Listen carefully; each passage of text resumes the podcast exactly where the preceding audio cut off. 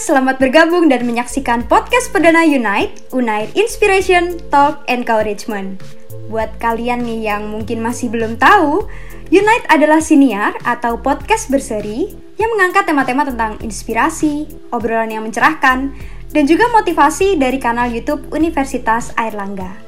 Unite nih, sesuai dengan namanya, adalah siniar yang menyatukan, baik itu sivitas akademika, alumni, orang tua mahasiswa, serta komunitas umum yang secara khusus diundang karena kualitas profilnya yang memberikan inspirasi untuk kita semua.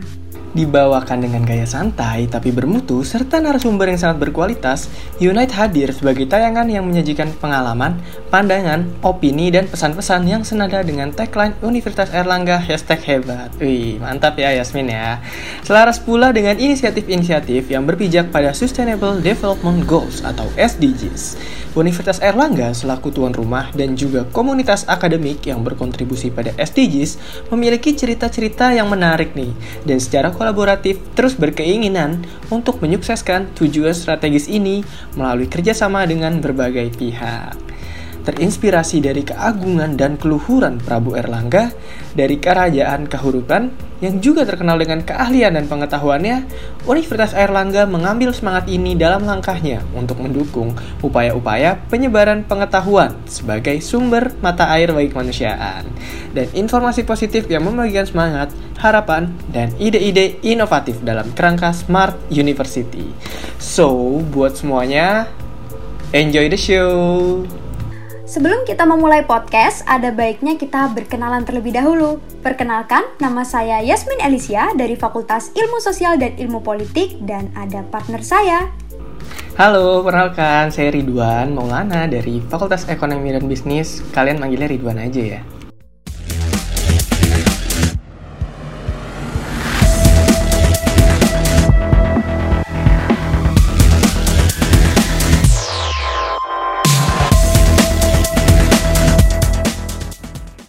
Halo semua, selamat datang di podcast Unite episode ketiga bersama dengan saya Ridwan Maulana dan partner saya Yasmin Elisia yang akan menemani kalian sembari beraktivitas dengan mendengarkan podcast ini. Kali ini kita kedatangan salah satu narasumber yang luar biasa nih, yaitu seorang Brigadir Jenderal Doktor. Wih, luar biasa ya, lengkap sekali. Dan beliau merupakan satu-satunya yang berhasil menjadi Brigadir Jenderal Polwan yang bergelar Doktor di Korps Bayangkara. Keren sekali ya, tidak hanya itu, beliau juga saat ini menjabat di Karajian Bank Lemdiklat Polri. Tentu saja juga aktif di berbagai organisasi, salah satunya adalah sebagai Ketua Center of Women Empowerment in Law Enforcement Sekolah Pasca Sarjana UNAIR. Mungkin kita sapa dulu ya Ibu Boleh, nih, kita sapa dulu nih, Assalamualaikum, selamat pagi. Waalaikumsalam warahmatullahi wabarakatuh. Selamat pagi. Salam Pagi, Om. Swastiastu. Pagi Ibu, gimana Ibu kabarnya Bu? Alhamdulillah sehat-sehat semua ya. Alhamdulillah di saat kayak gini emang penting banget ya Bu untuk sehat. Apalagi kita juga lagi berperang melawan pandemi nih ya Bu ya. ya. Apalagi yang mobilitasnya tinggi ya, jaga betul nih. Iya betul Bu, karena memang ya Alhamdulillah untuk saat ini kita lagi turun tapi kita tidak boleh lengah ya Bu. sebuah, sebuah kehormatan nih Bu bagi kami memiliki Ibu di sini. Sebelumnya banyak yang penasaran nih Bu terkait dengan bagaimana sih seorang Brigadir Jenderal Dr. Paul Juansih awalnya menjadi seorang polwan. Ini kebetulan nih kemarin tanggal 15 September itu eh, kami merayakan anniversary untuk angkatan kami eh, sekolah perwira Polwan angkatan 6 tahun 1989. Jadi genap 32 tahun sudah pengabdian kita. Luar biasa ya Bu. Memang sudah mungkin eh, jalannya harus menekuni karir di sini ya. Dulu ibu kuliahnya di Bandung, jadi ya maklumlah waktu itu eh, kita masih bergabung tuh, masih TNI Polri masih bergabung. Jadi dari Mabes TNI itu aktif ya untuk apa namanya eh, bukan menawarkan tapi betul-betul eh, memanggil eh, mahasiswa-mahasiswa atau yang eh, fresh graduate ya yang baru lulus tetapi memiliki eh, IPK tertentu ya sesuai dengan kriteria mereka dan dipanggil untuk tes gitu kan. Ya, kebetulan saya juga tertarik juga lah jadi poluan seneng kan bisa ngatur-ngatur lalu lintas. Bisa ceramah di masyarakat. Seneng aja gitu kan. Jadi ya alhamdulillah di tahun 1989 dipanggil tes. Ya, kebetulan hasil psikotesa itu diarahkan ke sekolah poluan. Karena dulu masih dibagi-bagi berdasarkan hasil psikotes nanti mungkin hasilnya ya ke katan darat, katan laut, katan udara, ada yang ke poluan jadi kita awalnya belum tahu juga mau jadi apa tapi dites betul-betul hasil psikotes akhirnya ya alhamdulillah. Itu ceritanya. Oh alhamdulillah ya bu jalannya itu memang nggak mulus lah ya ibaratnya awalnya. Awalnya juga nggak mau jadi poluan malah ya bu. Iya, pilihan karena kan di kakak saya ada yang jadi kowad. Jadi saya tahu aku hmm. jadi apa. Ya sekarang saya jadi kowad, saya mau jadi kowad gitu. Ikut aja tes gitu. Tapi kita sungguh-sungguh ya tesnya. Yeah. Ya, jadi ada psikotesnya. Mungkin dari psikotes itu bisa dipilah-pilah hasilnya bisa ke mana ke mana gitu kan. Itu tahun tahun 89. Makanya e, istilahnya sekolah polisi sukarela sebetulnya seolah-olah polisi sukarela wanita sepapo sukuan oh, sukuan ya berarti memang pada awalnya karena nilainya tinggi gitu ya Bu dan akhirnya diberikan kesempatan untuk coba nih ke mendaftar kedinasan seperti itu ya Bu ya di atas rata-rata dikit lah. Iya. Ibu merendah aja ini. Di atas rata-rata Aduh, ibu bisa aja merendah. Luar biasa sekali loh ibu. Untuk menjadi seorang polwan itu kan nggak mungkin rata-rata pasti di atas rata-rata lah. Meskipun iya, di atas rata-rata ya, ya, sedikit ya. pasti. Iya. Zaman dulu ini mungkin tes itu zaman dulu masih dites itu apa namanya uh, virginitas tuh masih dites zaman dulu. Jadi banyak faktor ya fisik mental ya jadi uh, tidak hanya akademik saja tapi secara komprehensif tesnya biasa seperti sekarang lah. Cuman dulu kan masih ada tes-tes seperti itu. Sekarang sudah uh, tidak ada tapi ada teknik yang yang lain untuk masuk uh, poluan ataupun ke handi gitu kan Oh gitu. Kalau berarti dulu pada saat menyiapkannya itu butuh waktu berapa lama tuh Bu? Karena kan sambil awalnya kuliah tuh, setelah itu diberikan kesempatan itu menyiapkannya berapa lama tuh Bu?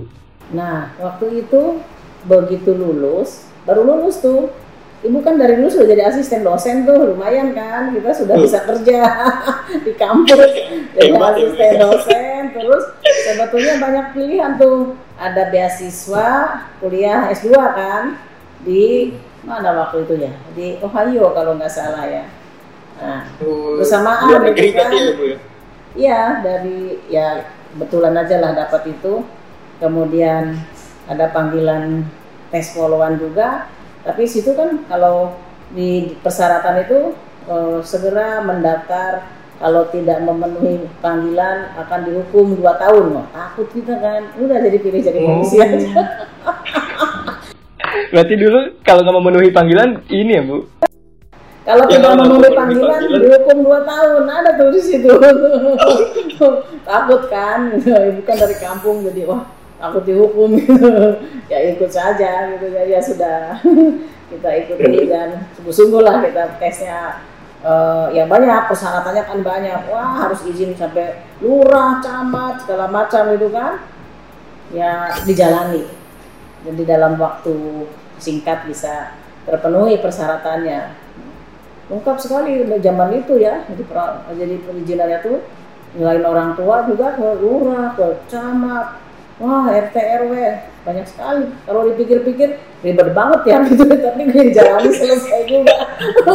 Kalau sekarang dipikir-pikir ribet banget ya. Dulu ke sana sini gitu kan ternyata oh ya memang itu ya kita jalani. Memang harus sungguh-sungguh. Kalau kitanya sungguh-sungguh pasti kita selesai juga ya. Iya. Berarti itu semuanya tahu ya bu kalau misalnya dari izin sana sini? Iya. Apalagi kalau di kampung kan pasti tahu tuh lurah tahu tuh di kampung. Kalau di kota kan nggak begitu kan orang sibuk semua ya. Kalau di Iya, kampung kan orang yang kuliah aja tahu hanya berapa orang. Iya, sambutannya luar biasa Bu pasti ya pada saat itu. Ya, didoain kan kita didoain sama Pak Lurah ya didoain sama Pak Camat didoain. Itu banyak yang mendoakan selain orang tua saudara gitu. Kan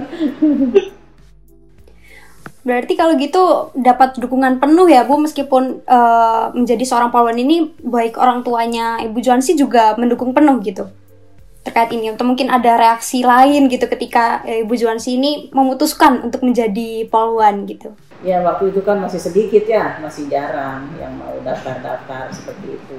Sekarang kan sudah banyak rekrutmen juga sudah banyak sekarang ini kan. Dulu itu kan kalau rekrutmen dari sarjana itu paling angkatan ibu yang paling banyak ada 40 orang. Itu kadang-kadang 25 orang 30 orang. Karena tertentu ya sesuai dengan jurusannya masing-masing nah ini adik-adik ini jurusan apa nih Kalau saya dari manajemen Bu. Nah, manajemen nanti jadi itu asrena asisten, asisten perencanaan Iya. Amin. Terima kasih Bu doanya. iya nanti masuk gitu ya bisa siapa tahu karena lagi banyak itu dokter-dokter nih dokter spesialis sama dokter umum lagi banyak 202 orang.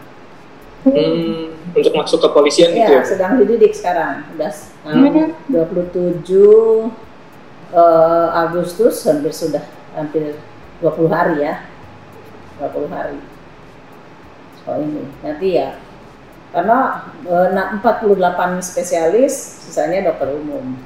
Kita kan punya 53 rumah sakit jadi eh, para dokter ini sekarang sebanyak 202 sudah siap memperkuat jajaran kepolisian Republik Indonesia. Iya. Tepuk tangan dulu yang alumni UNER juga nih saya mau cek satu saya kasih motivasi jangan sampai nggak mau lari-lari ya. Meskipun dua jam lari mau ke mana lari siang saja masih lari. Nanti kalau jadi dokter nggak mau lari dia. Nah, dia harus dimonitor nanti. Iya. Harus dimonitor ya Bu. Biar sesuai. oh ini bagian ibu ini. Ibu harus mengkaji ini pendidikannya bagus enggak bagaimana siswanya? Kan begitu. Nanti kalau memang ini bagus tahun depan kita bisa rekrut lagi. Kan gitu. Terus dikaji evaluasi ya, proses berarti. pendidikan 8 standar pendidikan itu kan sarana prasarana kurikulum sistem penilaian nah, bagaimana gaditnya ya itu 8 standar yang harus kita kaji bagaimana, eh, apa namanya apalagi kalau ada masalah. Misalkan ada yang satu ada juga yang mungkin ah sudah enak jadi dokter terus jadi polisi ngapain sudah lari-lari. Ada yang malas-malas nah kita harus kaji kenapa harus begitu? Nah, berarti mungkin kurang eh, apa namanya kurang bergaul dengan teman-temannya. Harus riang gembira sekolahnya kan gitu. Kalau riang gembira kan kita nggak capek tuh Iya, betul. Dinikmati Dinikmati jadinya. jadinya. ya Bu ya. iya nikmati saja cuma dua bulan. Itu juga isinya kan Eh. ya nanti banyak di samping eh, dasar-dasar kepolisian juga ada juga kedokteran yang untuk pemantapan kan? Kedokteran kepolisian dokter dok dokpol nanti mungkin ada forensiknya kan? Seperti itu. Mau jadi polisi nanti ya Oh, Oh iya. saya tidak dulu. mungkin Ridwan silakan. Fisiknya nggak kuat Bu, bukan. Ridwan nih takut lari-lari, takut makan hitung 10 hitungan harus selesai. Makanya kalau PPKM 20 menit makan sudah selesai. Ya, kita 10 menit harus sudah selesai. Bukan 10 menit, 10 hitungan. Dihitung Oh, 10 hitungan. 10 hitungan harus sudah selesai makannya. Satu, uh, makan gitu. Biasa kalau ada tugas baru berikutnya kita belum makan kan harus makan tuh. Nah, harus bisa makan cepat. Nanti diolah berikutnya enggak. Karena di lapangan pasti pasti kan padat gitu kan, apalagi kalau dokter pas kalau ada masalah-masalah di lapangan ya harus cepat. Sementara kita harus jaga kondisi, ya harus belajar makan cepat.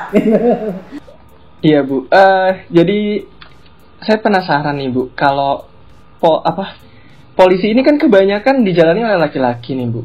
Kenapa sih Ibu tertarik untuk menjadi poluan? ya eh, sampai saat ini memang ya untuk prosentase perempuan dengan laki-laki memang masih besar banyak banyak laki-laki ya laki-laki itu sekitar 443 ribu lah 444 ribu keseluruhan Poluan ini baru 24.722 Jauh sekali ya, Bu ya. ya berapa persen ya nggak sampai lima Iya. persen ya Iya, nah betul. itu nah tapi kan kita juga sekarang ini sama kesempatannya ya jadi ya awalnya mungkin kita tertarik ah kan awalnya Poluan itu direkrut untuk membantu tugas-tugas kepolisian khususnya dalam menangani permasalahan perempuan dan anak-anak baik sebagai pelaku kejahatan maupun sebagai korban kan? Awalnya tuh tahun 48 zaman-zaman penjajahan tuh loh. Itu kan ada agresi ya. Uh, ada pengungsi ke Bukit Tinggi nah, ada kita harus memisahkan mana penjahat mana yang tawanan perang. Itu kan harus dipisahkan. Nah, itu kan perlu penggeledahan nah itu waktu itu direkrutlah Polwan untuk membantu tugas-tugas itu. Nah itu seiring perkembangan kemarin kita berulang tahun tuh 1 September itu. Sudah 73 tahun. Sekarang sudah banyak. Kita sudah bisa banyak menangani di berbagai bidang. 10 fungsi kepolisian kita bisa berkontribusi. Oh, iya kan? Ya reserse lantas binmas intel semuanya berkontribusi. Apalagi sekarang sudah banyak yang menjadi kepala satuan wilayah kapolsek kapolsek kapolres sudah banyak. Dan juga kita juga banyak yang khusus misalkan seperti per- penanganan perempuan dan anak-anak. Itu sudah banyak di Polres-Polres. Itu lebih banyak dipegang oleh poluan-poluan. Nah ini nah, kemudian negosiator. Negosiator itu lebih mengedepankan poluan kan. Poluan mungkin eh, lebih humanis lah karena lebih lemah lembut lebih lebih nyaman kalau bernegosiasi jadi lebih dikedepankan poluan-poluan nah itu banyak bagian-bagian yang bisa ditangani poluan tetapi tidak khusus itu saja. Semua sudah sekarang berkontribusi di seluruh fungsi kepolisian dan termasuk menjabat sebagai eh, jab- dalam jabatan-jabatan strategis baik yang di pembinaan maupun yang di operasional. Nah ini perkembangannya. Jadi ya kita sih awalnya lihat mungkin saya juga lihat yang ngatur lalu lintas tuh ih keren juga ya bisa ngatur lalu lintas bisa memberikan ketertiban kepada masyarakat mengatur. Keren juga kan apalagi kalau kita di mahasiswa kan sering bermasyarakat ya. Saya ketemu Hmm, masyarakat juga kan untuk memberikan eh, pencerahan supaya masyarakat tertib patuh hukum gitu kan. Tertarik juga kan seperti itu. Kalau memang kita bisa ya kita bisa berkontribusi gitu kan. Gitu awalnya Ibu jiwa Jiwanya sangat sosial sekali ya, Bu. saya dulu olahraga senang olahraga Oh. Olahraga apa tuh, Bu? Kalau boleh tahu, Bu. oh, macam-macam olahraganya ada tenis ada berenang terus tenis meja nah paling sampai tingkat di Jawa Barat lah atau antar Oh, sampai antar Kompetisi berarti, Bu, ya? Ya, atau antar mahasiswa masih menang Wih, luar biasa. antar perguruan tinggi negeri ya maksudnya yang penting kan bisa ke mana-mana kita dengan kemampuan kita gitu kan Betul, betul. kawan ya, sesuai bidangnya ya ada yang mungkin senang seni senang yang lain-lain kita di olahraganya sebisanya aja yang apa adanya kan nggak ngemodal kalau kita jalan cepat kan ada perlombaannya tuh nggak ngemodal Iya. kan cuma jalan cepat doang Ibu seneng banget berarti ya kalau partisipasi kayak gitu, apalagi olahraga selain sehat juga nambah temen ya, Bu ya. Jadi dulu waktu baru masuk Polwan, ibu jadi sekretaris itu Persatuan Sepak Bola Polwan. Oh, Ada Polwan main bola. Bagus-bagus. Jadi ibu ya biar mereka yang jadi atlet ibu yang jadi sekretarisnya, jadi manajernya di sana. Wih. di banyak cabang-cabang ya di Polri juga banyak pembinaannya untuk yang berprestasi selain menembak sesuai fungsinya ya, terjun payung ya kita tinggal membina adik-adik yang masih muda-muda. Mungkin kalau mem- masih membahas soal yang tadi ya, yang mungkin disinggung sama Rituan tadi nih, yang eh, kenapa kok Bu Jansi ini memilih menjadi polwan gitu ya.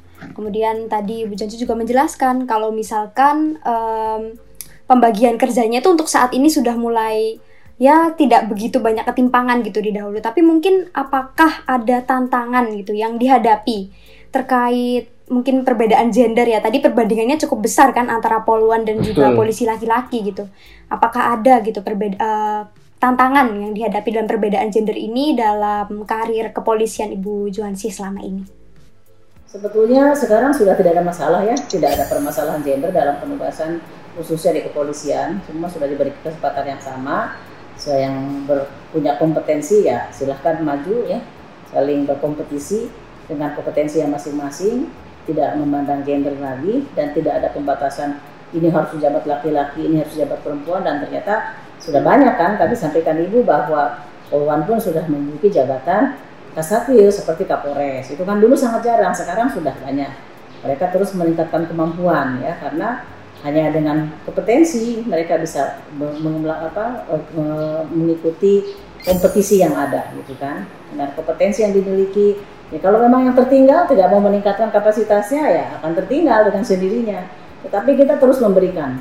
Polri terus memberikan apalagi ini kan di bagian pendidikan ya. Di salah satu eh, sarana untuk meningkatkan kemampuan untuk menciptakan polisi yang profesional adalah salah satunya adalah dengan pendidikan dan pelatihan.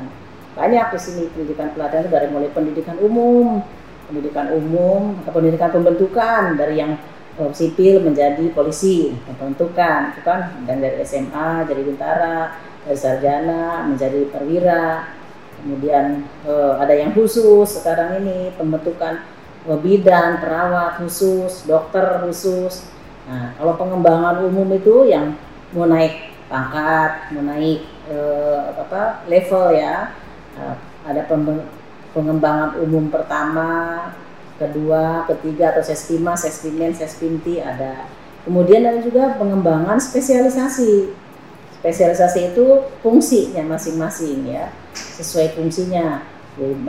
Ada yang fungsi pelantas, inter, reserse, eh, yang lain juga ada ya, manajemen tingkat polsek, kemudian negosiator, kemudian eh, tentang penanganan perempuan dan anak-anak, banyak itu pengembangan spesialisasi. Itu ada di pendidikan dan pelatihan.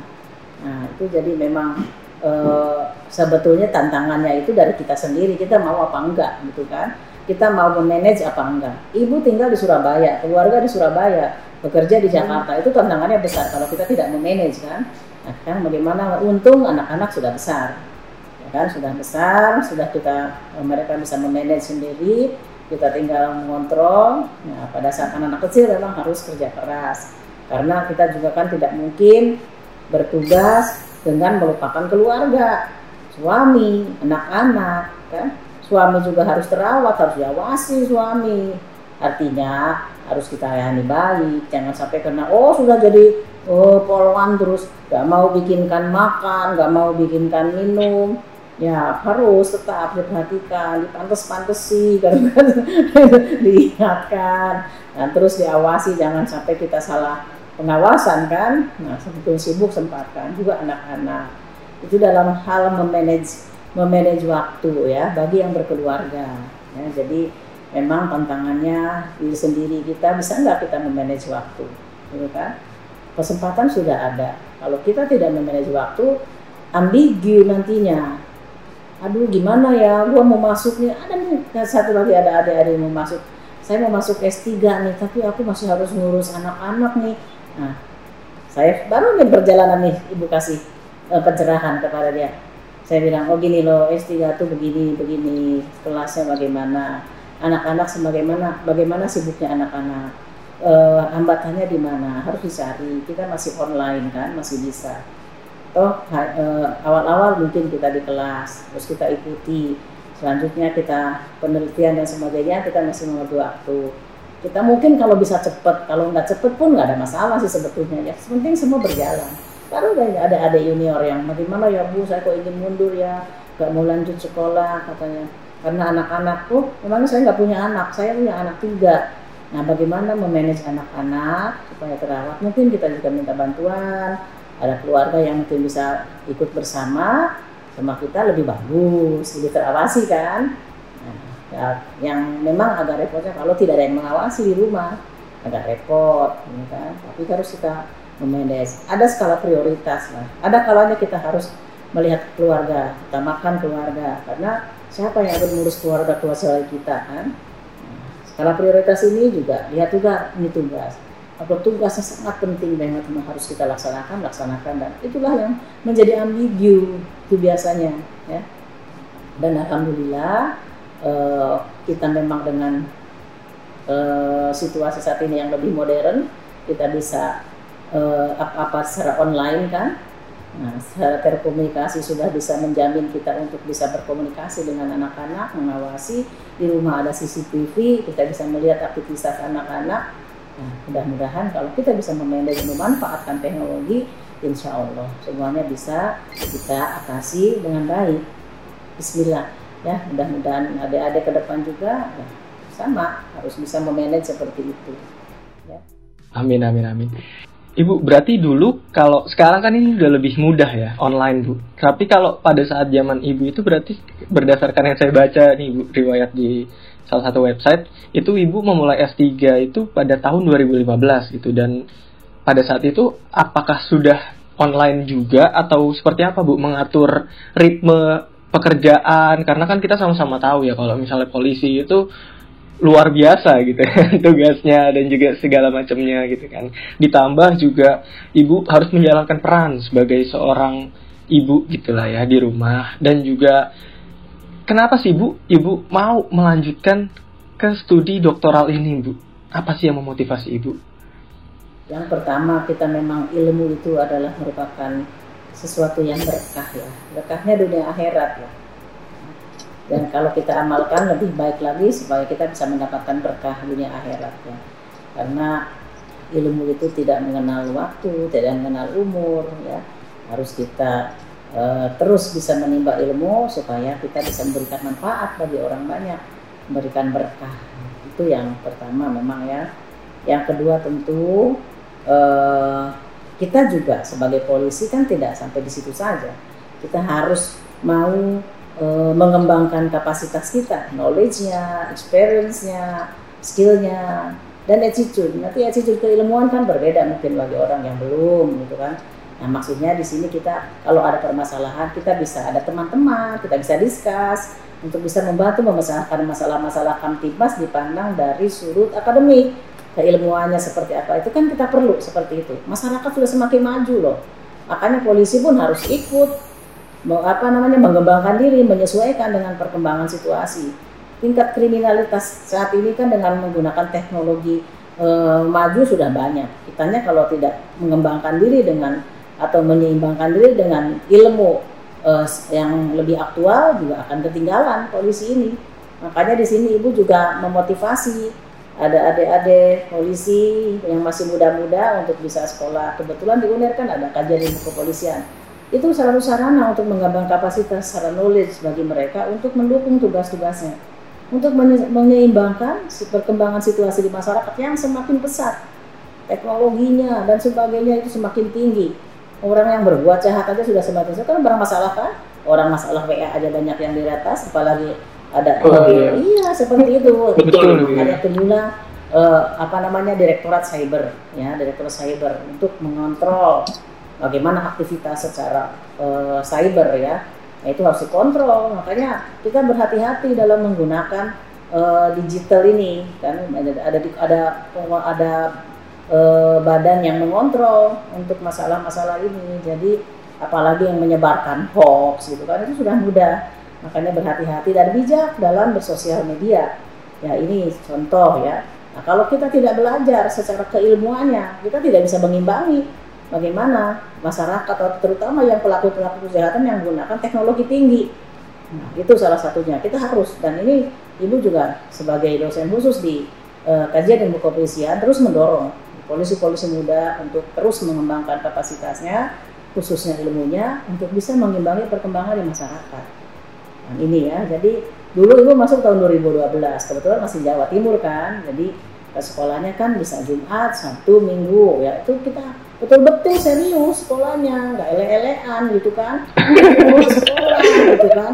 Ini kadang-kadang ini suka ele-ele suka ada ini saya aja masih serius-serius. Ayo kita semangat.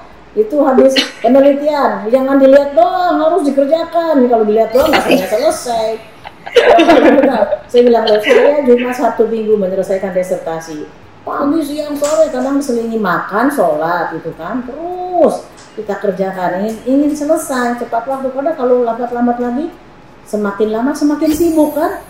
Nah kalau kita tunda-tunda, makanya ada pengalaman, fokus dulu, tapi juga pekerjaan jangan tinggalkan. Begitu waktunya kita kuliah ya kuliah, begitu kita mengerjakan eh, tugas-tugas uh, kita kita kerjakan. Jangan dilihat aja, kok kamu bisa cepat sih sekolahnya? Iyalah cepat kalau dikerjakan. Tuh kamu lagi, kamu dilihatin aja. Kalau hasil penelitian sudah penelitian dilihatin aja gitu kan, lu dilihatin dari penelitian terus nggak kerja selesai ya bu? Sama nanti lo bikin tesis, udah udah dapat ini ya referensinya. Lo nggak kerja kerjakan lo sebenarnya. Kan selesai selesai banyak yang tanya kayak gitu. Oh, ibu cepet sih. Ya iyalah saya bilang begitu. Kita dapat kita kerjakan bilang itu kadang-kadang kita satu minggu kata kita eh mandi mandi belum mandi tuh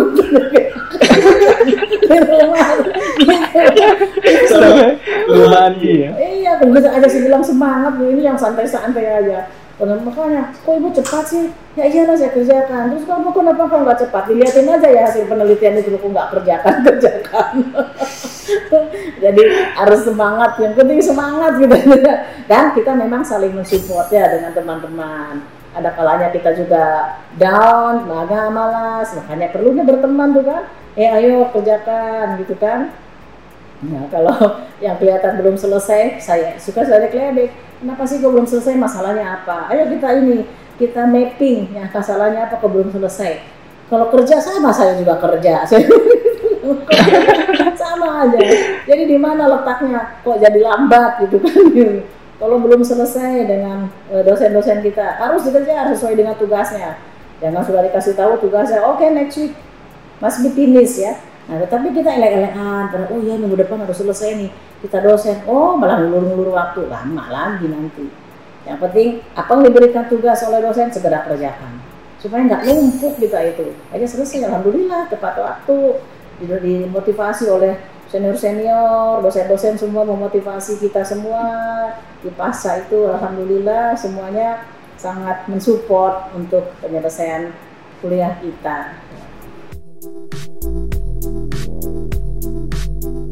Ibu, uh, saya penasaran Ibu. Ibu tadi berbicara tentang uh, ada sebuah titik di mana Ibu sempat down. Nah, itu di titik apa dan bagaimana Ibu mengatasi hal tersebut gitu? Karena kan juga nggak mudah gitu ya, sambil bekerja, sambil kuliah. Itu seperti apa Bu? Iya, betul ya. Kadang-kadang kita tugas banyak. Uh, itulah kadang-kadang ya can work under pressure itu kan ya. Kita nggak bisa nggak kita bekerja di bawah tekanan. Tekanan dalam arti tugas kita banyak harus kita selesaikan. Juga kita punya kepentingan keluarga yang harus kita perhatikan, kita uh, awasi ya. Gizinya, kemudian sekolahnya, ibadahnya kan harus kita awasi. Banyak sekali uh, complicated ya. Banyak sekali masalah. Kemudian tugas belum selesai. Nah, permasalahan itu kita kita mapping lagi. Kita selesaikan satu-satu.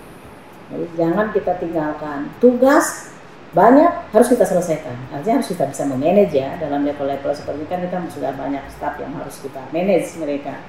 Bagaimana how to manage staff-staff kita ya. Nah, bisa keluarga juga mas, uh, kita minta bantuan saudara-saudara untuk bisa mengawasi. Itu kan penting apa namanya untuk bersilaturahim dengan saudara makanya kan di saat-saat kita sulit mereka akan mensupport kita membantu kita. Begitu juga dengan teman-teman. Semuanya kita harus betul uh, networking ini perlu banget ya. Itu networking ya uh, apa tuh namanya di dalam segala aspek networking itu perlu. Karena kita tidak bisa sendirian. Di saat down seperti itu kalau kita sendirian tidak punya network akan kesulitan. Dan alhamdulillah makanya kita juga diajarkan bersilaturahim bersilaturahim ya. Supaya kita banyak kawan ada saatnya susah kita banyak yang bantu. Akhirnya jangan malas sekarang oh gue malas di rumah aja gue malas ah nggak mau wa wah nggak mau wa ya. Padahal wa juga udah sarana silaturahim say hello gitu kan. Apa kabar? Sehat-sehat gitu kan kadang-kadang kita mungkin e, lama kita tidak wa gitu kan karena kita sibuk ya pasti dicari kan ini kenapa ya kok lama? kan biasanya gitu ya. Nah mudah-mudahan kita masih punya semangat membangun network ya. Di mana saja di kantor, dengan keluarga, dengan silaturahim, di kantor, di pekerjaan, di tempat kuliah, ya, membangun network karena artinya teman itu bisa eh, teman yang baik ya, teman yang baik bisa eh, bersama-sama kita di saat kita susah, ya, di saat kita senang, ya, kita eh, to find good friends itu agak-agak sulit tapi kalau kita terus sambil men meneliti nih sini temannya temannya nggak bisa dibaikin ya? Nggak bisa dibaikin tersinggungan apalagi. Ya sabar. Kita juga bukan orang sempurna. Iya, betul, betul. Banyak-banyak sabar ya. iya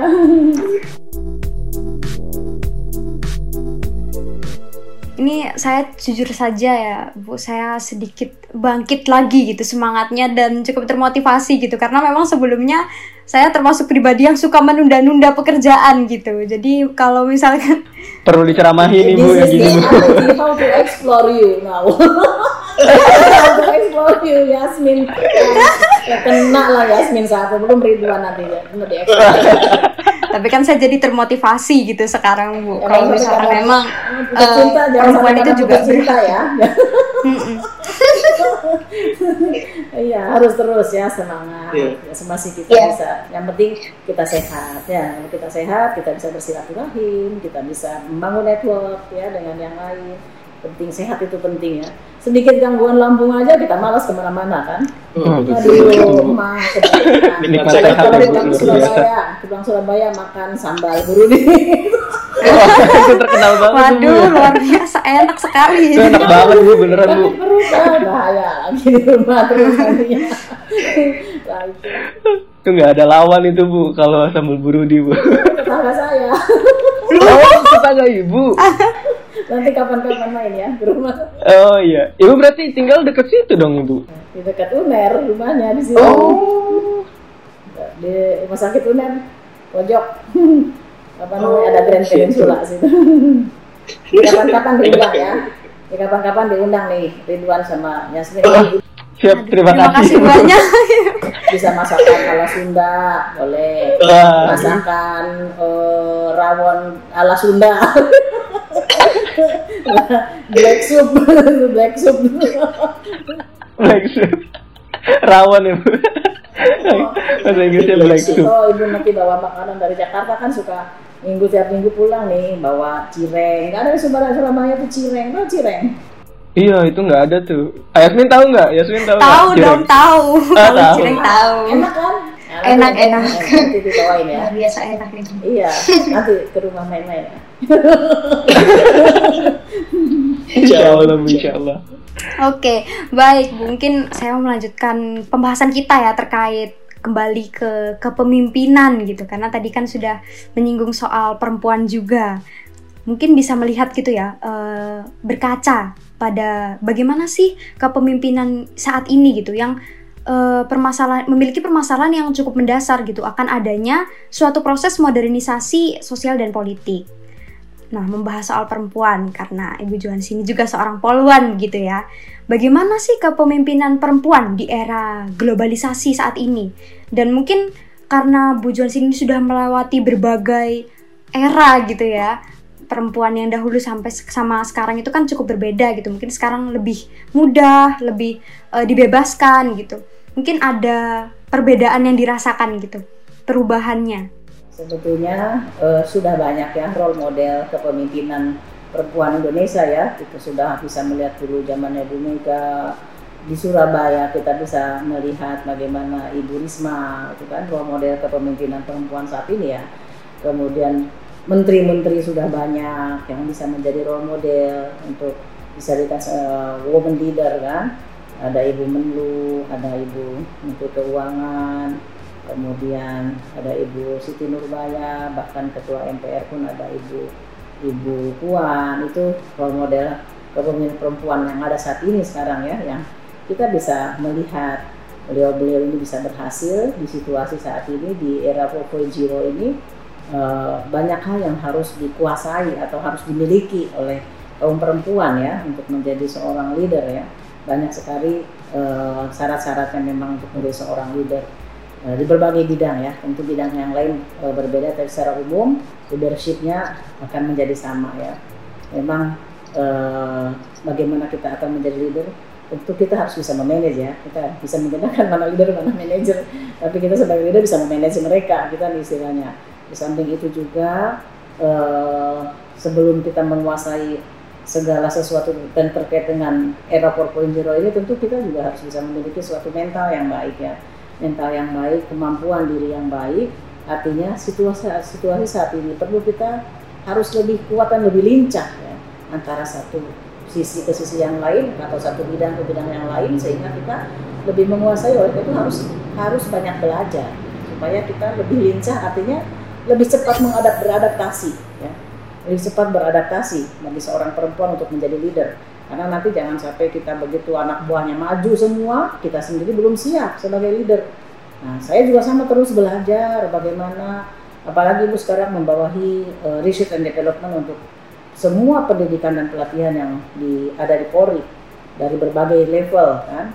Kita memiliki 46 kampus Polri di sini yang harus kita kaji bagaimana operasional pendidikannya dan tentu kita harus belajar. Dan menjadi leader di sini tentu uh, ibu juga membawahi uh, informatika dan teknologi IT itu membawahi itu. Jadi ada bidang humasnya masuk kemudian seluruh media sosial ada di bawah ibu. Jadi ini harus betul-betul ibu juga belajar dan tahu harus tahu lah minimal jangan sampai kita nyuruh-nyuruh aja kan?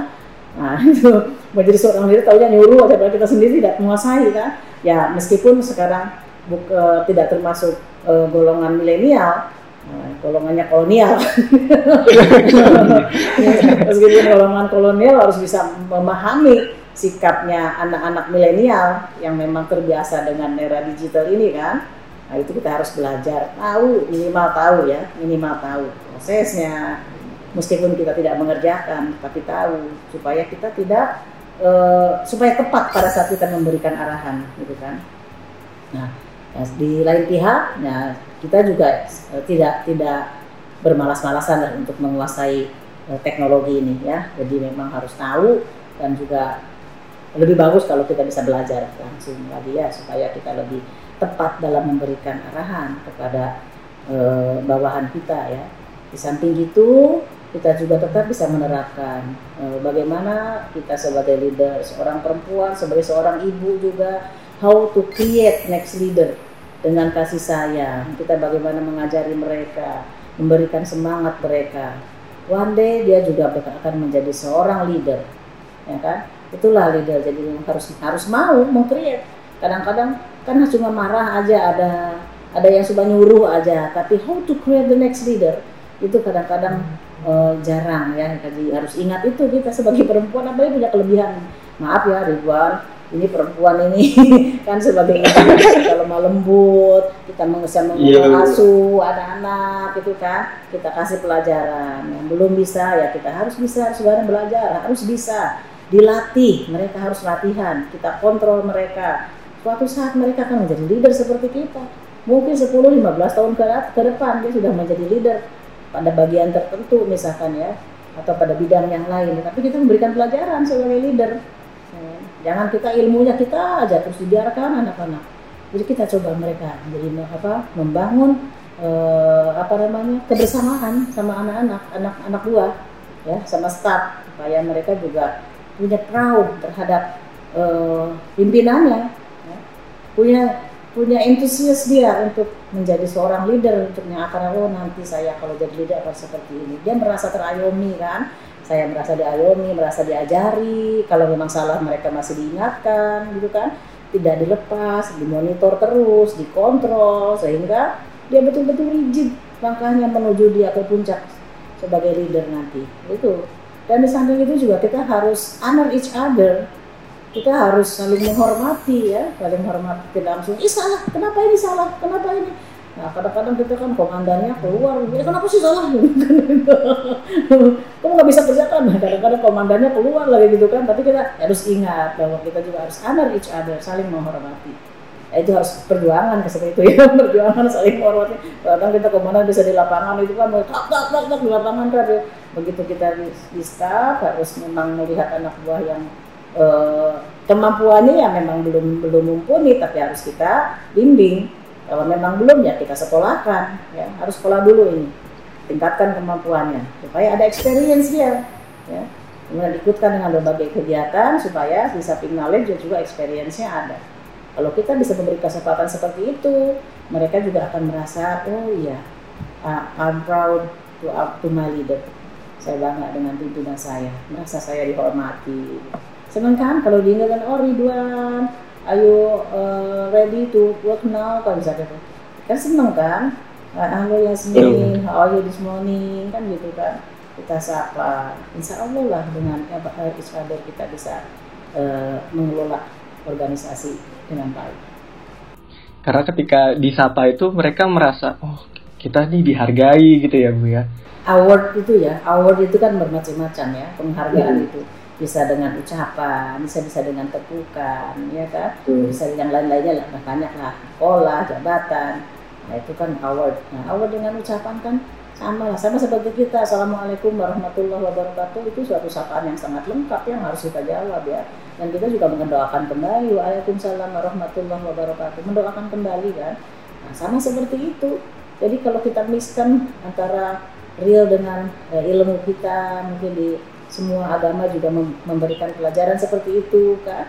Saling menyapa kasih sayang. Nah itu kita terapkan seperti itu dan anak juga bisa bangga ya merasa disapa tapi kalau kalau kita lagi nutung lagi banyak masalah lagi mungkin lagi berantem lu nggak mau lihat anak gua anak buahnya eh, jangan jangan deket itu. Katanya si ibu lagi nutung gitu makanya uh, lagi banyak masalah. Nanti anak-anak ini semua ya apa bisa tadi wah ini pasti lagi mutung nih. Nanti anak-anak suka usul lagi berantem kali sama suaminya.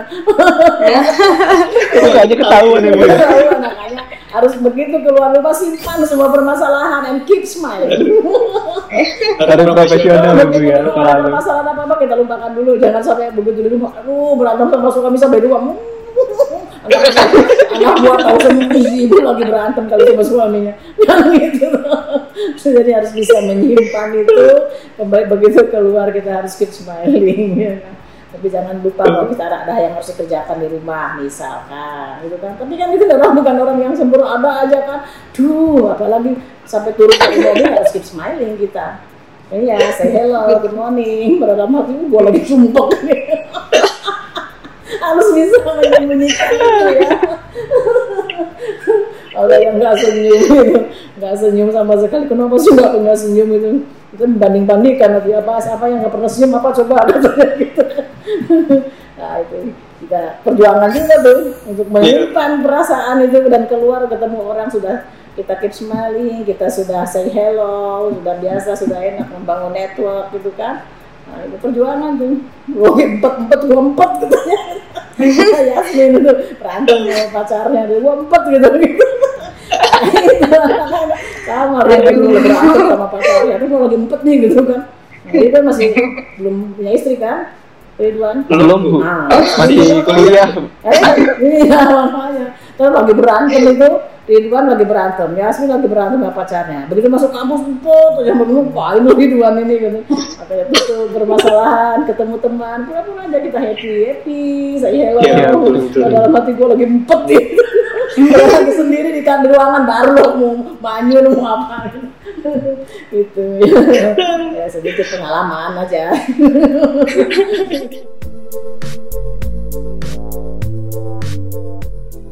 Saya tuh selalu salut Bu sama seorang perempuan karena mereka ini selalu serba bisa gitu Bu dalam berbagai hal gitu. Bu. Ditekan juga makin kuat. Iya, hebat perempuan itu. Pesta biasa. Kalau pesta lihat perempuan, paling hebat perempuan bajunya kan itu terbuka tuh.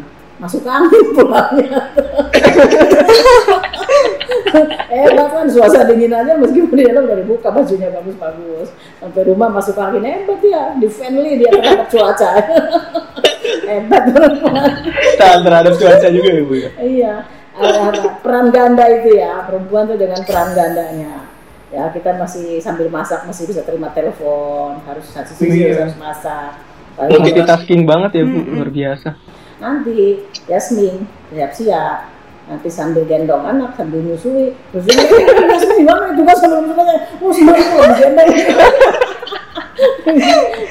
Saya tuh kalau lihat ibu saya kayak gitu tuh saya selalu bilang kok bisa ya kayak gitu? Terus ibu saya selalu bilang kayak nanti kalau sudah menjadi ibu pasti bisa Wah, merasakan. gitu. kan ibunya tuh Iya. bisa belajar dari mama tuh Yasmin kan. Hmm, makanya Ridwan harus bangga sama mama sama semua perempuan ya kita ini semua bisa dikerjakan. Sambil masak sambil gendong anak masih bisa mengerjakan pekerjaan yang lain ya kan? Kalau per laki-laki udah ini ditinggal telepon ya bagaimana ini? Ini tinggal telepon dulu dia. Kalau perempuan oh sambil goreng. Ya bagaimana ya, saya selesaikan tugas saya. Sambil goreng sambil bikin susu. Nah, kalau laki-laki itu begitu terima telepon tinggal bila perlu oh iya gini lagi. Ya kita selesaikan ini. Sudah dia fokus terhadap pembicaraan itu laki-laki tuh Ya, Iya ada cerita lucu juga tuh bu. Jadi kalau misalnya ibu kan ditanya di mana kunci, di mana ini, di mana itu. Kalau bapak paling ditanya di mana ibu gitu. ya keren ya Iya. itu kalau ada ibu susah juga makanya makanya surga di bawah telapak kaki ibu tuh Iya itu betul banget itu bu. Harus berbakti. Nah bu, ini kembali lagi nih bu. Sebenarnya kalau menurut ibu seberapa penting sih bu kesetaraan gender gitu bu? Jadi antara laki-laki dan perempuan ini dinilai dinilai sama gitu bu.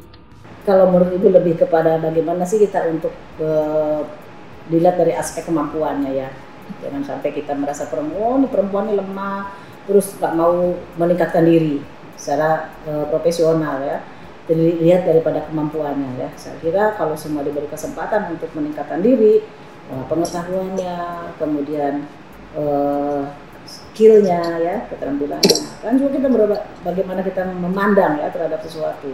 Bersikap positif terhadap sesuatu. Ini satu hal yang membuat kita integritas kita bagus kan. Jadi lebih kepada kemampuan ya. Jadi kesetaraannya pada kemampuannya. Sama kemampuannya ya laki-laki perempuan sehingga akan diberikan kesempatan yang sama untuk bisa maju bersama menduduki jabatan yang sama tidak. Jadi kalau perempuan lemah tidak bisa jadi eh, rektor misalkan sekarang rektor banyak perempuan juga kan gitu loh. Jadi dilihat daripada kemampuannya ya. Kesetaraan gender itu lebih kepada kemampuannya. Orang laki-laki perempuan memiliki kesempatan yang sama dan bisa meningkatkan diri meningkatkan kemampuannya sehingga bisa berkompetisi sesuai dengan kemampuannya masing-masing gitu ya. Kalau hal-hal yang lain mungkin yang tidak bisa itu ya karena perempuan ada secara lahiriah memang berbeda. Kita juga ada menstruasi melahirkan itu kan yang tidak bisa kita samakan ya. Yang lain-lain saya kira sudah e, lebih kepada kemampuannya ya. Betul, saya eh, setuju sih Bu kalau itu karena memang kalau untuk menstruasi dan melahirkan itu kan memang kodratnya perempuan ya, sedangkan kalau peran itu kan ya bisa gitu dijalin laki-laki maupun perempuan kayak gitu. Mungkin em, selama ini gitu ya, eh, Ibu Juan sini kan sekarang sudah menjadi seorang brigadir jenderal. Pastinya pernah merasakan menjadi yang dipimpin dan sekarang memimpin. Menurut eh, Ibu Juansi, tiga kualitas apa yang mungkin eh, perlu dimiliki oleh pemimpin yang utamanya bergerak di ranah penegakan hukum seperti Ibu Brigjen Pol Dr. Juansi ini? Bagaimana? Ini sudah 32 tahun ya Ibu. Jadi memang dari awal kita memang harus uh, sungguh-sungguh ya serius dalam melaksanakan seluruh tugas ya. Apa pekerjaan apa yang kita berikan, kita memang harus sungguh-sungguh melaksanakan ini dengan baik, serius banget ya kita mengerjakan ini supaya kita tidak keluar dari koridor yang ada. Harus patuh ya kepada aturan yang ada. Kemudian eh, hal-hal yang perlu kita penuhi seperti kalau di kita kan ada hierarki ya hierarki artinya bagaimana kita menghadapi atasan yang setingkat lebih tinggi pun akan berbeda ya yang harus kita hormati. Setingkat lebih tinggi pun harus kita hormati. Jadi itu hierarki yang berlaku. Itu harus dilaksanakan. Lebih lagi kepada atasan langsung kita itu kan itu harus dilaksanakan. Sikap-sikap inilah yang harus terus dipupuk ya. Di sikap kita dalam menyikapi terhadap pekerjaan dan juga terhadap lingkungan dengan hierarki yang ada perlu kita eh, apa kedepankan sebagai bawahan itu ya. Sebagai bawahan sebagai eh, se- seiring dengan perjalanan itu kan akan sesu- eh, dengan sendirinya kan karena hierarki kan berlaku ya. Jadi ketika kita di atas ya mau tidak mau yang di bawah juga tetap meng- mengikuti. Dan kita juga harus memberikan sebagai role model ya bagi anak buah. Dan kita juga akan melihat sebagai bawahan kita akan melihat. Dengan salah satu aspek saja misalkan oh atasan saya sehat ya bugar. Senang kan atasan saya. Berbeda dengan atasanku sakitan loh gitu kan. Jadi kita harus menjaga betul kebugaran itu kesehatan diperhatikan. Ini salah satu aspek. Baru satu aspek kan belum lagi dari uh, style dalam memanage gitu kan. Seperti tadi kan ada aspek-aspek tertentu yang harus kita uh, perhatikan di dalam memanage staff kita. Nah kalau kita bawahannya melihat role model pimpinan kita itu seperti apa ya perannya seperti apa yang akan kita ambil baiknya kita mengambil yang baik dan kita uh, hilangkan bagi yang hal hal-hal yang tidak baiknya. Kita harus pandai melihat itu supaya kita bisa maju dan ketika saat kita menjadi leader kita bisa memberikan uh, apa namanya lead by example ya, saya memberi contoh kepada staf kita kepada anggota kita. Apalagi di bidang penegakan hukum ya kita memang harus harus menguasai harus menguasai bidang kita menguasai ilmunya ya kan jadi kalau kita mau ke lapangan kita sendiri tidak tahu tentang undang-undang kan repot ya. Jadi kita harus menguasai itu supaya kita tahu apa yang kita hadapi itu ada dasarnya, ada dasar hukumnya, ada dasar uh, undang-undangnya ya. Jadi memang harus menguasai itu ya di bidang penegakan hukum. Sama juga di bidang pelindungan dan pengayoman pelayanan masyarakat. Kita juga sekarang tuntut secara humanis ya dalam menghadapi masyarakat kita tidak bisa semena-mena masyarakat sudah mulai maju mengerti ya. Mengerti tentang bagaimana kita e, berkolaborasi ya. Berkolaborasi antara polisi dengan masyarakat. Masyarakat perlu kita sebagai advisor lah. Sebagai advisor di bidang keamanan. Dan kita juga harus memberikan juga kepada mereka pengetahuan tentang hamtimas ya. Supaya mereka juga paham bisa untuk menjaga dirinya menjaga lingkungannya ya. Bisa menghindari dari eh, apa hal-hal untuk kejahatan atau kriminal lainnya. Jangan menjadi korban dan jangan menjadi pelaku. Nah, kita harus membimbing mereka juga ya. Satu pihak ya penegakan hukum harus kuat ilmunya, kita harus betul-betul tegas ya. Karena e, kita kan negara hukum, ya kita harus patuh hukum. Kita menjalankan menjalankan hukum itu ya. Nah, itu jadi eh, betul-betul kita harus komprehensif ya integriti kita harus harus harus terjamin untuk menjadi leader. Luar biasa. Ibu, sebagai sosok yang menginspirasi, ada nggak sih Bu tips nih, khususnya buat mahasiswa Universitas Airlangga yang perempuan dalam meraih cita-citanya? Ya. Uh, yang pertama tentu kita uh, serius ya. Kuliah ya serius. Kalau kita nggak serius nanti lupa antara main-main dan kuliahnya lebih banyak banyak mainnya gitu kan? Nah, lebih banyak pacarannya daripada kuliahnya jadi serius dulu ya kita kuliah bahwa kita juga punya target. Berapa lama sih S1 gitu kan? Oh S1 4 tahun. Jadi harus punya oh, timeline itu harus ada gitu kan? Timeline oke okay lah semester satu masih oke oke aja ya. Mulai sibuk kan mungkin di, di, di semester 6 eh, semester 6 7 sudah mulai sibuk kan dan mulai menata bagaimana untuk penyelesaian apa yang disiapkan. Ini timeline harus ada itu. Timeline kuliah, timeline untuk ya siapa tuh, ah saya habis sarjana mau nikah misalkan. Boleh silakan membuat timeline seperti itu, seiring berjalan ya perempuan itu kan. Nah, ini dan terus berdoa ya, ya kuliah dapat, jodoh dapat, gitu kan. Dengan e, supaya beriringan gitu kan.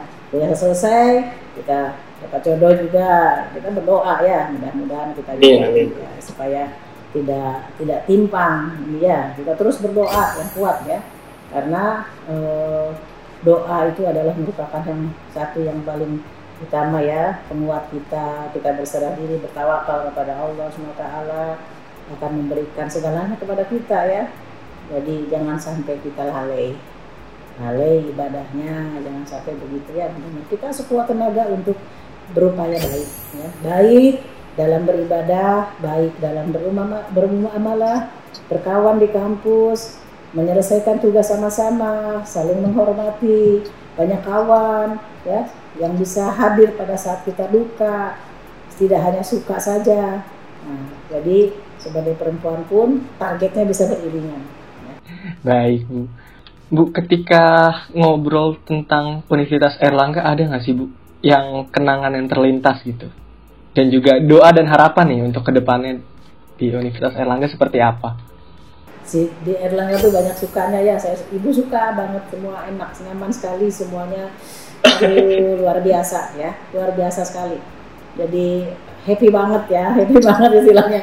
Happy banget kita bisa berada di eh, Universitas Airlangga apa namanya hubungan baik silaturahim baik saling mensupport gitu kan. Di saat kita kesulitan semuanya mensupport itu penting sekali.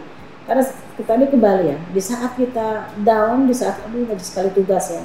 Banyak sekali tugas bikin penat kepala kan. Sementara kita harus menyelesaikan tugas-tugas kuliah kita semuanya mensupport memberikan gambaran oh gini gini gini gini gini. Jadi kita kembali bangkit lagi? Oh iya ya. Kalau kita eh, sabar kalau kita mau tetap semangat. Masih banyak kawan-kawan toh yang mau membantu kita. Nah itu yang yang ada di UNER itu luar biasa. Kekeluargaannya tinggi apa silaturahimnya sangat baik sangat saling menghormati sangat luar biasa ya. jadi aduh apalagi ya karena sudah happy banget ibu suka banget ya. Jadi uh, mudah-mudahan ke depan uh, UNER juga akan menjadi universitas yang lebih baik lagi untuk Amin. pencapaian ranking di tingkat dunianya menjadi Iya. universitas university apalagi Iya. dengan motonya uh, excellence morality betul-betul bisa terjamin seluruh alumninya juga saya lihat sangat bagus sangat kompak uh, mudah-mudahan bisa membawa UNER ke depan lebih baik lagi apalagi di peng- kepengurusan sekarang ya yang lalu juga sudah sangat bagus nah sekarang tinggal meningkatkan lagi supaya sinergi kampus dengan alumni tetap terjalin dan sama-sama untuk memajukan eh, UNER ya di Surabaya ini. Baik, amin. Semoga semua doa-doa dan harapannya bisa terkabul dan tercapai semuanya ya untuk Universitas Airlangga. Amin. Amin. Baik Bu, ini kita Ya ada di sebagai mahasiswa UNER ya dari mulai para rektornya luar biasa, para dosennya, semua para guru besarnya, sampai yang dari mahasiswa pun semuanya sangat-sangat eh, menyenangkan untuk bersilaturahim, berkomunikasi, berkolaborasi. Ya, jadi kita semangat untuk memajukan UNER. Oke, baik Bu. Ini kita eh, ada sedikit games gitu ya sebelum mengakhiri sesi kita hari ini. Mungkin Ridwan bisa menjelaskan gimana nih gamesnya, Ridwan. Nah, Ada jadi ya? dari dari kita nih akan menunjukkan foto nih Bu dan Ibu memberikan pendapat tentang foto tersebut. Gimana? Yasmin udah siap nih? Siap. Ya, operator siap, operator Mas Ragas. Oh ya, sebentar disiapkan dulu Mas ya. Bagas dari tadi menyiapkan foto rupanya nih. Iya Bu, emang Sibuk. ini Bu, untuk foto pertamanya ini Bu. ya ini mah nggak usah ditanya. Ini mantan Kapolri Jenderal Tito Karnavian sekarang menjadi Menteri Dalam Negeri. Ya satu kata untuk beliau. Hebat. Hebat. Sama ya Bu ininya oke di Jempol foto. Ya mungkin bisa next nih. Nah, Hmm, ini bos saya nih ini Jenderal Polisi Listio Sigit Prabowo Bapak Kapolri yang sekarang Mungkin bisa satu katanya juga ini, pendapat atau bagaimana gitu. Yang menggambarkan beliau nih. hebat luar biasa Dua jempol. dua jempol Oke, Mungkin kita lanjut lanjut aja nih Mas Ragas. masih Terakhir. ada nih banyak amat kuisnya Terakhir ini terakhir. Terakhir Bu. Terakhir. gimana Ibu? di kampung saya lumayan sudah yang bagus ya alhamdulillah maju Majalengka eh kapan datang ke Majalengka ya Ini Majalengka. ini Majalengka banyak mangga kemudian ada teras siring bagus kemudian apa namanya taman bunga di gunung nanti kapan-kapan main ya ke sana ke kampung ibu nanti kalau sudah pandemiknya sudah sudah ada kita doakan. Nah, ya Jaleka juga sudah mulai aman. Oke. Oke. Oke, Ibu terima kasih Bu untuk waktunya. Nggak kerasa kita udah ada di penghujung acara. Uh, terima kasih Ibu udah hadir di podcast Unit ini. Mungkin Ibu bisa memberikan sepatah dua patah kata sebagai penutup pada hari ini dari materi dan juga pendapatnya tentang podcast ini, Ibu. Yang pertama, Alhamdulillah kita bisa bersilaturahim ya dengan adik-adik yang luar biasa ini, Mas Ridwan, Teh Yasmin, yang suka nggak kelihatan mukanya tuh saya baru Ragas, Ragas, Meka, ada lagi. Alhamdulillah semoga yang Ibu uh, dengan silaturahim ini kita bisa uh, melanjutkan uh, lebih baik lagi, mudah-mudahan kita bisa kenal juga di darat jangan di udara saja. Nanti kapan-kapan supaya lebih meningkatkan lagi tali silaturahim yang lebih baik kita bisa berjumpa. Tidak saja di udara tapi juga kita bisa secara offline kita bisa bertemu dan kita tetap semuanya menjaga kesehatan di era pandemi seperti sekarang ini. Harus betul-betul kita e, menjaga protokol kesehatan. Kita menerapkan e, 5M harus e, jangan kendor dengan protokol kesehatan harus tetap melaksanakan itu baik di rumah maupun di luar ketika kita beraktivitas dan kita tetap berdoa semoga kita semua senantiasa dalam lindungan Allah SWT. Terima kasih podcast ini keren banget.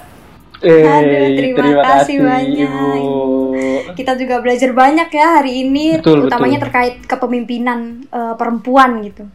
Semoga uh, semuanya ini bisa menjadi manfaat bagi nusa dan Amin. bangsa, utamanya juga bagi Universitas Airlangga gitu. Terima Ibu kasih banyak uh, orang Ibu. yang satu inspirasi. Iya, betul sekali. Semoga uh, Ibu Johansis keluarga selalu diberikan kesehatan dan tentu Amin. saja bahagia selalu. Amin ya rabbal alamin.